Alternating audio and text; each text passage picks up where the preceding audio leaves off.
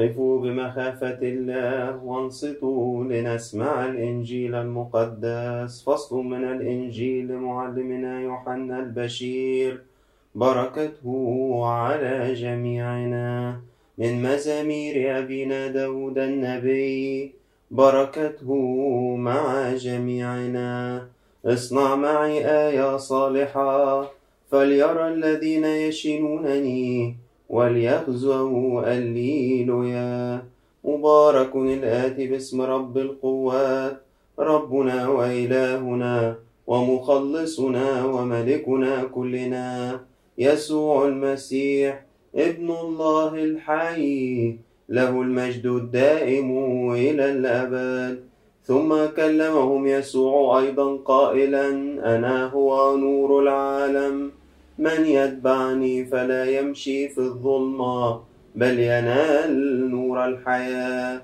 فقال له الفريسيون أنت وحدك تشهد لنفسك شهادتك ليست حقا. أجاب يسوع وقال لهم إني وإن كنت قد شهدت لنفسي فشهادتي حق. لأني أعلم من أين أتيت وإلى أين أذهب. وأما أنتم فلستم تعلمون من أين أتيت ولا إلى أين أمضي. أنتم إنما تدينون بحسب الجسد وأما أنا فلست دين أحدا. وإن أنا دنت فدينونتي حق لأني لست وحدي بل أنا والآب الذي أرسلني. ومكتوب أيضا في ناموسكم أن شهادة رجلين حق. أنا أشهد لنفسي وأبا الذي أرسلني يشهد لي. فقالوا له أين هو أبوك؟ أجاب يسوع إنكم لا تعرفونني أنا ولا أبي. ولو كنتم تعرفونني لعرفتم أبي أيضا. هذا الكلام قاله يسوع في الخزانة وهو يعلم في الهيكل. ولم يقدر أحد أن يمسكه لأن ساعته لم تكن قد جاءت بعد.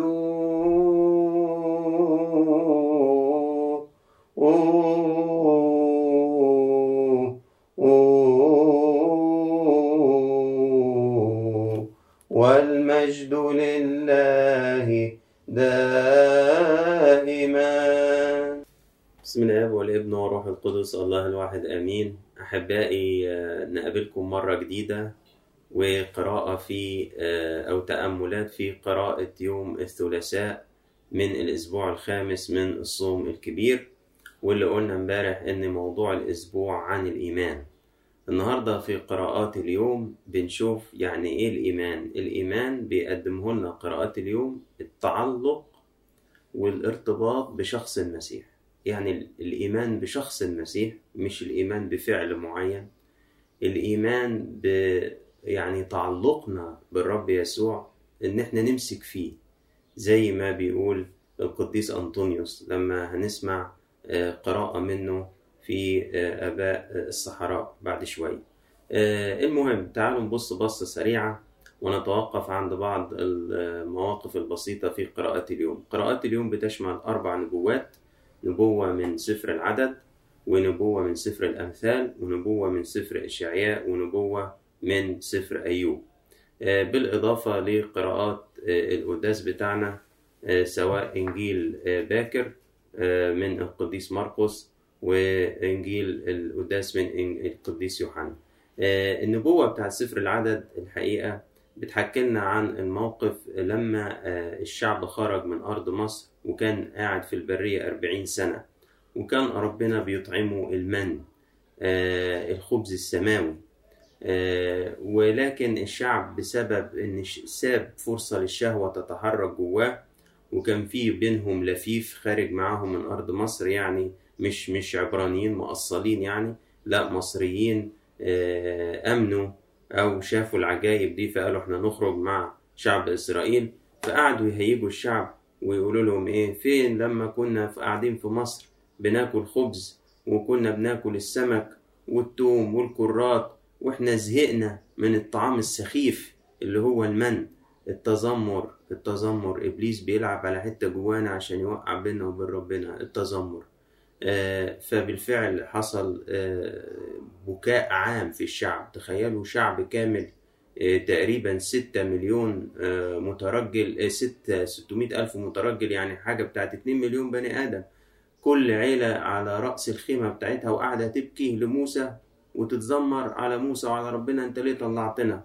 وإحنا كنا نفسنا ناكل سمك وكنا كنا بناكل وبنعمل.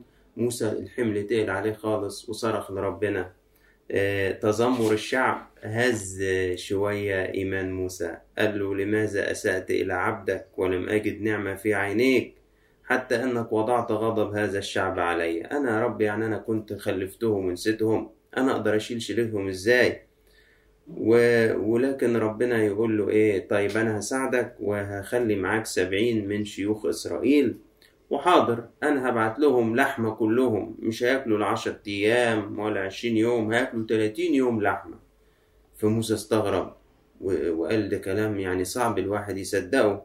فقال له كده قال له آه، أنت إزاي هتديهم؟ يذبح لهم غنم وبقر يكفيهم. يجيب لهم منين في البرية؟ ولا هيجمع لهم سمك البحر كله. فراح ربنا قال له هل تقصر يد الرب؟ الآن ترى أيوفيك كلامي أو لا يعني يا موسى أنت شفتني كتير. ما يتهزش إيمانك بسبب تذمر الشعب ودقهم. خليك أنت ثابت. أديك هتشوف. أو أنا إيدي عجزت إن هي تخلص؟ هتشوف كلامي يوفيك ولا لأ؟ وطبعا إحنا عارفين باقي القصة إن ربنا أساق ريح وجابت من البحر جابت سلوى كانت من الطيور المهاجرة واترمت كلها في المحل. وكلوها وللأسف طبعا الشهوة آه، كانت السبب في موتهم. في سفر الأمثال آه، سليمان الحكيم بيوجهنا للتعلق بالحكمة ومين هو الحكمة يا أحبائي؟ كلنا عارفين إن بالمسيح قوة الله وحكمة الله. آه، فيقول لنا كده الله بالحكمة أسس الأرض. اقتني الحكمة اقتني الفهم رأس الحكمة ربح الكلمة. أنا هقول إيه مين هو الكلمة؟ من شخص المسيح اللي هيربح المسيح هيربح الحكمة. يعني إيه؟ يعني اربح اربح المسيح. إمبارح كنا بنحكي في أقوال الصحراء لما القديس أنطونيوس بيسألنا اسألوا أنفسكم هل أنتم مستحقين الله؟ عايزين عايزين نصلي يا رب ادينا إن إحنا نربحك حتى لو خسرنا كل حاجة تاني ادينا نربحك يا رب. اقتني الحكمة اقتني المسيح. في آه، آه، القراءات القداس يا أحبائي إنجيل آه، باكر بيجيب لنا موقف التلاميذ لما معرفوش يخرجوا الروح الأبكم اللي كان في الولد. وبعد كده أبوه راح للمسيح يشتكي. فقال له تلاميذك معرفوش يخرجوه. فربنا قال إن ده بسبب عدم الإيمان. وراح نادم الراجل قال له هات الولد. فبعد كده ال ال ال الولد قعد بقى يتمرمغ في الأرض ويسجد وكده. فالأب قال له إيه؟ قال له إن كنت تستطيع شيء تحنن علينا. أحيانا كده نبقى مش عارفين هو مين اللي إحنا بنكلمه. وده معنى الإيمان يا جماعة. إحنا لازم نكون عارفين مين هو ربنا. لازم نتعلق بيه. لازم نمسك فيه. فراح ربنا رجع له الأمر قال له إن استطعت أنت أن تؤمن كل شيء ممكن للمؤمن. أنت عندك استعداد تصدق فيا؟ كل شيء ممكن للمؤمن. عايز أقول الربح من وراء الإيمان مش عطية. الربح من وراء الإيمان شخص المسيح نفسه. هو محور الإيمان. يا جماعة مش لازم كل اللي يشغل بالنا إمتى هتخلص الحبسة دي ويا ترى هنعدي منها بسلام ولا وإمتى هنخرج؟ إحنا لازم يشغلنا يا رب ادينا نحتفظ بالإيمان وسط هذه الشدائد. وادينا ما ننكرش الإيمان وسط هذه الشدائد. وادي إيماننا إنه يتحرك بينا ناحية الآخر ما يتحبس بالخوف. ده اللي المفروض يشغل بالنا. في آه، الإنجيل بتاع القداس بيتكلم ربنا عن نفسه. ولليهود وبيقول لهم أنا هو نور العالم من يتبعني فلا يمشي في الظلمة. الإيمان نور لأن المسيح هو النور. فلو عندنا الإيمان هنفضل ماشيين في النور. لكن لو ما عندناش هذا الإيمان هنكون في الضلمة فقالوا له أنت بتشهد لنفسك. شهادتك دي ما هيؤخذ بيها. فقالوا مش مفروض فيه يبقى اتنين شهود. أنا أشهد لنفسي وأبي يشهد لي. لكن أنتوا عارفين ليه مش مصدقينه؟ لأن أنتوا لا عرفتوني ولا عرفتوا أبي. يظل المسيح هو الطريق الوحيد للآب السماوي. لن يستطيع أحد أن يأتي إلا الآب إلا من خلال المسيح. وعشان كده أحبائي لما بنقول إيه هو الإيمان؟ الإيمان هو التعلق بشخص المسيح. الارتباط بشخص المسيح. قد إيه جميل النفس اللي تثبت نظرها على المسيح وتبقى عندها إيمان وثقة إنه يجازي الذين يطلبونه وإنه معنا في كل الأيام ولا انقضاء الدهر. ربنا يدينا كلنا الإيمان دوا اللي هو شخص مبارك. وافتكر سليمان الحكيم لما بيقول لك اقتني الحكمة ورأس الحكمة ربح الكلمة ولإلهنا كل مجد وكرامة في كنيسته إلى الأبد. آمين.